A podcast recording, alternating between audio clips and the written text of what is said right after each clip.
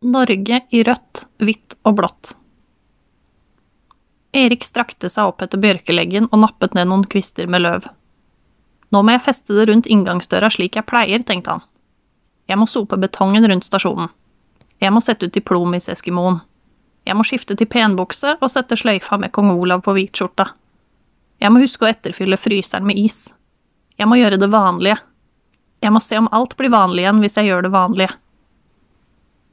Monsa-motoren sto i verkstedet med ei skitten fille over innsuget.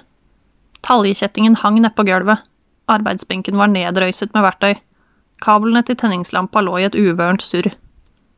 Erik dro opp den øverste skuffen i verkstedbenken. Lærrullen med ringnøklene var borte. Han åpnet de andre skapene, trakk ut skuffer, rotet i hyller, flyttet oljedunker, lette i skap han allerede hadde undersøkt. Ingen tok telefonen hjemme hos Tor Arne.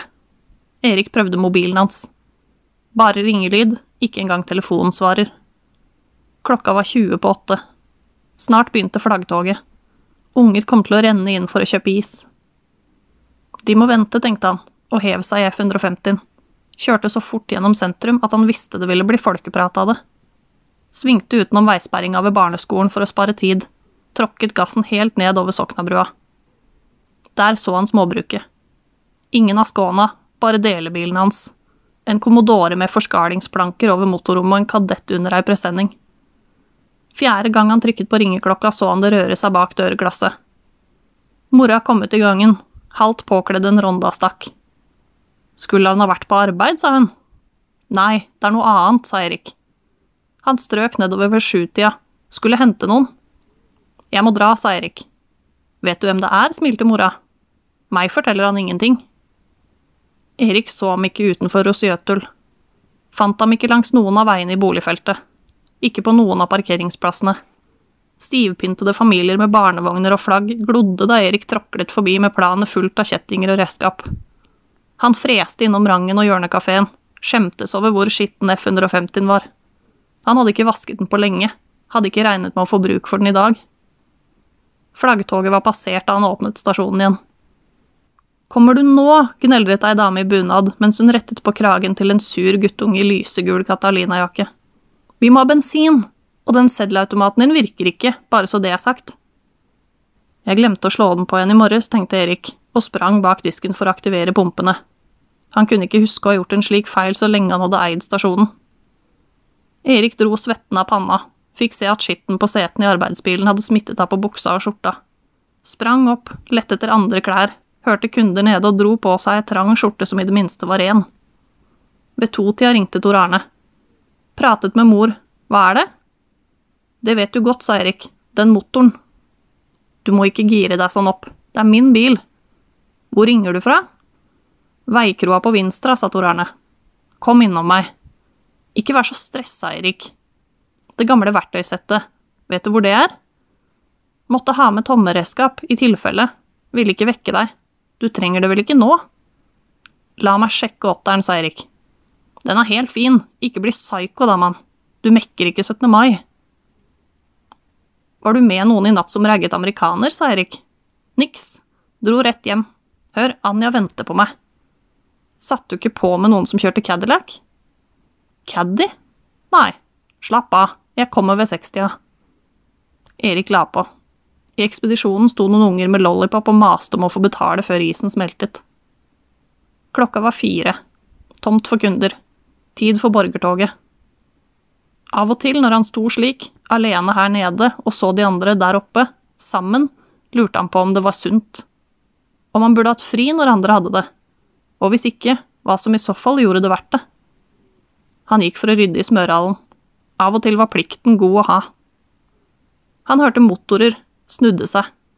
To motorsykler. En Yamaha FZR 1000 og en Suzuki GSX R 750. Etter dem kom Shelby Mustangen og en gul Dodge Charger RT han ikke hadde sett før.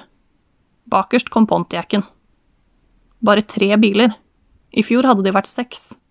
Kanskje skikken var i ferd med å dø ut.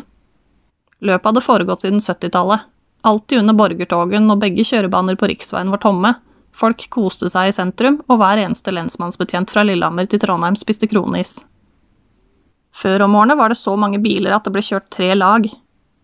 Bilene cruiset noen runder på lavt turtall for ikke å vekke oppsikt mens motorene ble varme, passerte mobilstasjonen og dro ned til Tallaksenflata.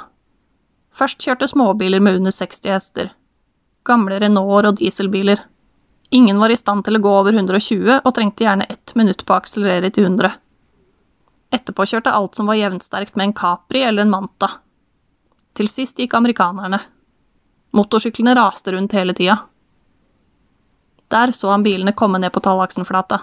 Tre i bredden, så tett at sidespeilene nesten pirket borti hverandre, skjelvende på høy tomgang. Erik gikk inn for å hente kikkerten. Mens døra gled igjen, hørte han brølet fra en fremmed bil på riksveien. En hvit Ascona med blå fartsstriper raste forbi, skjermbredderne bulte som spente muskler. Gjennom kikkerten så Erik Tor Arne kjøre inn ved siden av gamlebilen sin. Han var ikke alene, noen satt i passasjersetet.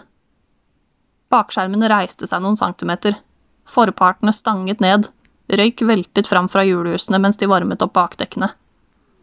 FZ-æren stilte seg på midtstripa foran dem. Tre raske blunk ved bremselyset. Så tre trege blunk. På det siste skjøt den av gårde. De fire V8-motorene brølte. Alle bilene sto med hjulspinn. Tor Arne fikk feste etter et par sekunder, dro på. Så grep de brede dekkene på Shelbyen tak i asfalten førte den raskt opp på sida av Skånan. Chargeren kom bak. Erik så at den akselererte fortere enn Tor Arne. GTO-en sto fortsatt med hjulspinn. Brølet fra Rammer-motoren bar helt opp til stasjonen. Tosk, tenkte Erik. Slipp gassen litt, så får den tak. Der. Pontiacen dro nedover med et eksosbrøl så høyt at Erik så lydbølgene kruse over flaten på Sokna. Utpå flata ble larmen dempet av de lodne grantrærne i dalsida. Da de passerte snauhugstfeltet, hørte Erik gjenlyden slå oppover dalføret igjen. Han fulgte dem med kikkerten. Shelbyen lå fortsatt først. Chargeren hadde passert Asconaen. GTO-en halte seg innpå. Å ja, han visste hvordan det var å sitte i Pontiacen nå, med fingrene stramt om rattet, føttene våte av svette fordi motorvarmen trengte gjennom torpedoveggen. Rammeråteren kunne spenne fra i et vanvittig, vedvarende skyvetak, framover og framover, helt til karosseriet skaket og turbulensen slo mot taket som helikopterdur. Tre minutter og 20 sekunder. I enden av flata så han GTO-en kjøre støtfanger til støtfanger med Asconaen. Bremselysene glødet kort før de gikk inn i tatersvingene. Tor Arne krenget hardt inn, ble borte. Erik senket kikkerten. Bak ham begynte Musikkforeninga på Norge i rødt, hvitt og blått. Han hørte en dump lyd, som om en steinblokk hadde rast ut ved tatersvingene. Lyset i mobilhesten begynte å flimre. Korpsmusikken fra sentrum lød vrengt og tutete. Han sprang bak stasjonen, til pickupen, sa til seg selv at nå, nå hadde han ikke engang tid til å låse stasjonen. Så hvorfor kjentes det så langt bort til F-150-en, som om det var en hel kilometer fram, som om han gikk den kilometeren i ei myr, og da han omsider kjørte alt den greide nedover Tallaksenflata, gikk bilen likevel så sakte som om alle gir var første gir. Jeg skulle ha sett over arbeidet ditt. I den tredje tatersvingen så han GTO-en med varselblinklysene på. Askåna lå på sida med taket klemt inntil bergveggen. Bakhjulene og eksosanlegget var revet av. To gutter virret rundt bilen. Bensin fra Asconaen sildret sakte forbi dem. Ei jente holdt ut ei uåpnet førstehjelpspute og ropte noe. Erik snublet ut, kjente den søtlige dampen av kjølevæske fra vraket. Den blandet seg med stanken av brent motorolje og svidd bremsebelegg. Så strøk en varm bris forbi og bar med seg lukta av hegg. Jeg skulle ha sett over arbeidet ditt. Asconaen var opprevet fra støtfanger til støtfanger. Den måtte ha stanget i autovernet, gått kast i kast før den endte i fjellveggen. En blå genser og ei håndveske lå utenfor bilen. Panseret og førerdøra hadde løsnet og hang forvridd på hengslene. Taket var tilklint av brun leire. Gjennom en flenge i den hvite, nypolerte bakskjermen skinte sola inn på baksetet. Tor Arne hadde penskjorta på. Hestehalen satt stramt, det lyse håret hans var blankt og nyvasket. Kjakene var nybarbert. Hendene hans klemte om rattet. Neglene var rene. Nakken hans hadde en rar knekk. Noe klemte innenfra og lagde en bule på halsen hans. Anja satt i bunad, ei staselig graffeldrakt, fastklemt mot dørstolpen. Leppene hennes begynte å bli blå. På den hvite, nystrøkne linskjorta trakk en blodflekk seg gjennom og bredde seg sakte utover tøyet. En rød dråpe rant fra haka og ned i sølja. Hun blunket. Øynene var matte, hadde et lag rim. Anja, sa Erik. Anja, da. Han syntes hun sa noe. Noe om mora si. Sirenene spjæret gjennom kaoset av blod og bensin.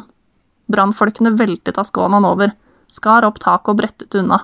Fikk henne på båra, slo på blålys, dro sørover. Like etter senket ambulansen farten.